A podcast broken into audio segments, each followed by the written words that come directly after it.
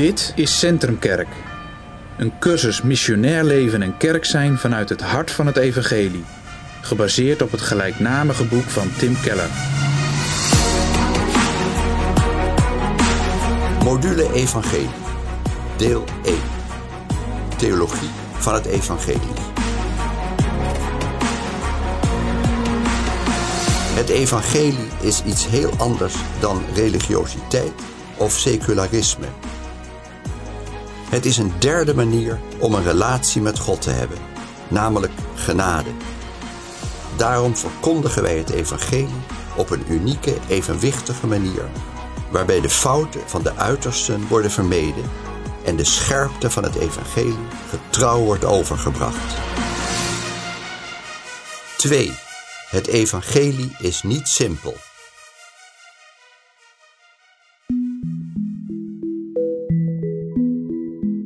Niet alles wat de Bijbel leert is het evangelie. En we zagen dat je het evangelie kortweg goed nieuws kunt noemen. Maar dat maakt het evangelie nog niet tot een simpele formule die je uit je hoofd kunt leren. Het evangelie is veelzijdig en de Bijbel geeft tal van omschrijvingen ervan. Dat betekent trouwens ook weer niet dat er geen consensus zou bestaan over wat de inhoud van het evangelie zou zijn. Een korte, bruikbare samenvatting hebben we al gegeven.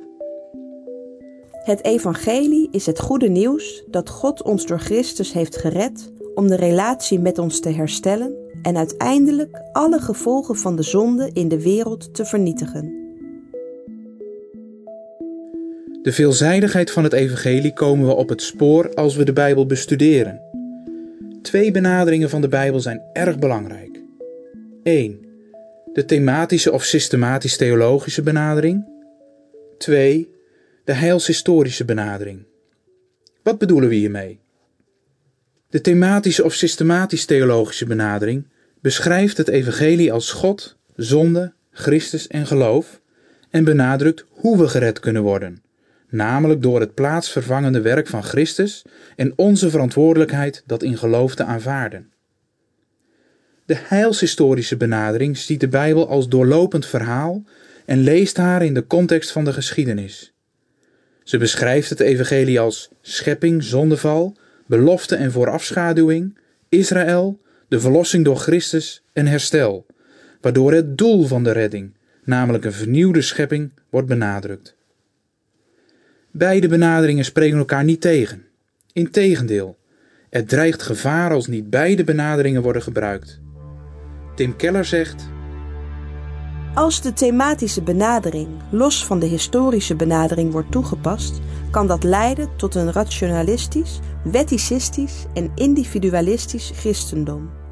Wanneer de historische benadering los van de thematische benadering wordt toegepast, kan een vorm van het christendom ontstaan waarin verhalen en gemeenschap een grote rol spelen, maar het scherpe onderscheid tussen genade en wet en tussen waarheid en dwaalleer vervaagt. Beide benaderingen van de Bijbel vullen elkaar aan en kunnen geïntegreerd worden. Allerlei unieke aspecten van de Bijbel worden dan benadrukt zonder dat er tegenstellingen ontstaan. De verhaallijn van de Bijbel vertelt ons tenminste vier dingen. 1. Schepping, wat God voor ons bedoeld heeft.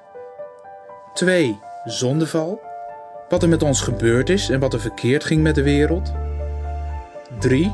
Verlossing, wat God gedaan heeft in Jezus Christus om alles in orde te brengen. En 4. Herstel. Hoe de geschiedenis zal aflopen als resultaat hiervan. Elke uitleg van het evangelie moet benadrukken dat het nieuws is. Er wordt aangekondigd wat God heeft gedaan en nog zal doen. Maar elke samenvatting in één enkele zin kent zijn beperkingen en zorgt ervoor dat aspecten van het evangelie onderbelicht blijven. Het evangelie is geen simpel nieuwtje, maar onuitputtelijk rijk en diep. Door de rijkdom en diepte van het evangelie is er een antwoord in te vinden op de hoop, vrees en afgoden van elke cultuur en iedere mens. Juist daarom is contextualisatie van het evangelie hard nodig.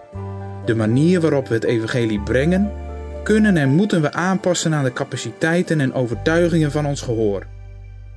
Paulus doet dit voortdurend. Afhankelijk van zijn publiek belicht hij het ene of het andere aspect van het veelzijdige evangelie. Het evangelie kan steeds anders worden verteld vanwege de enorme rijkdom van het bijbelse materiaal met al zijn intercanonieke thema's en vanwege de gevarieerdheid van de mensheid. Paulus presenteerde het evangelie telkens anders.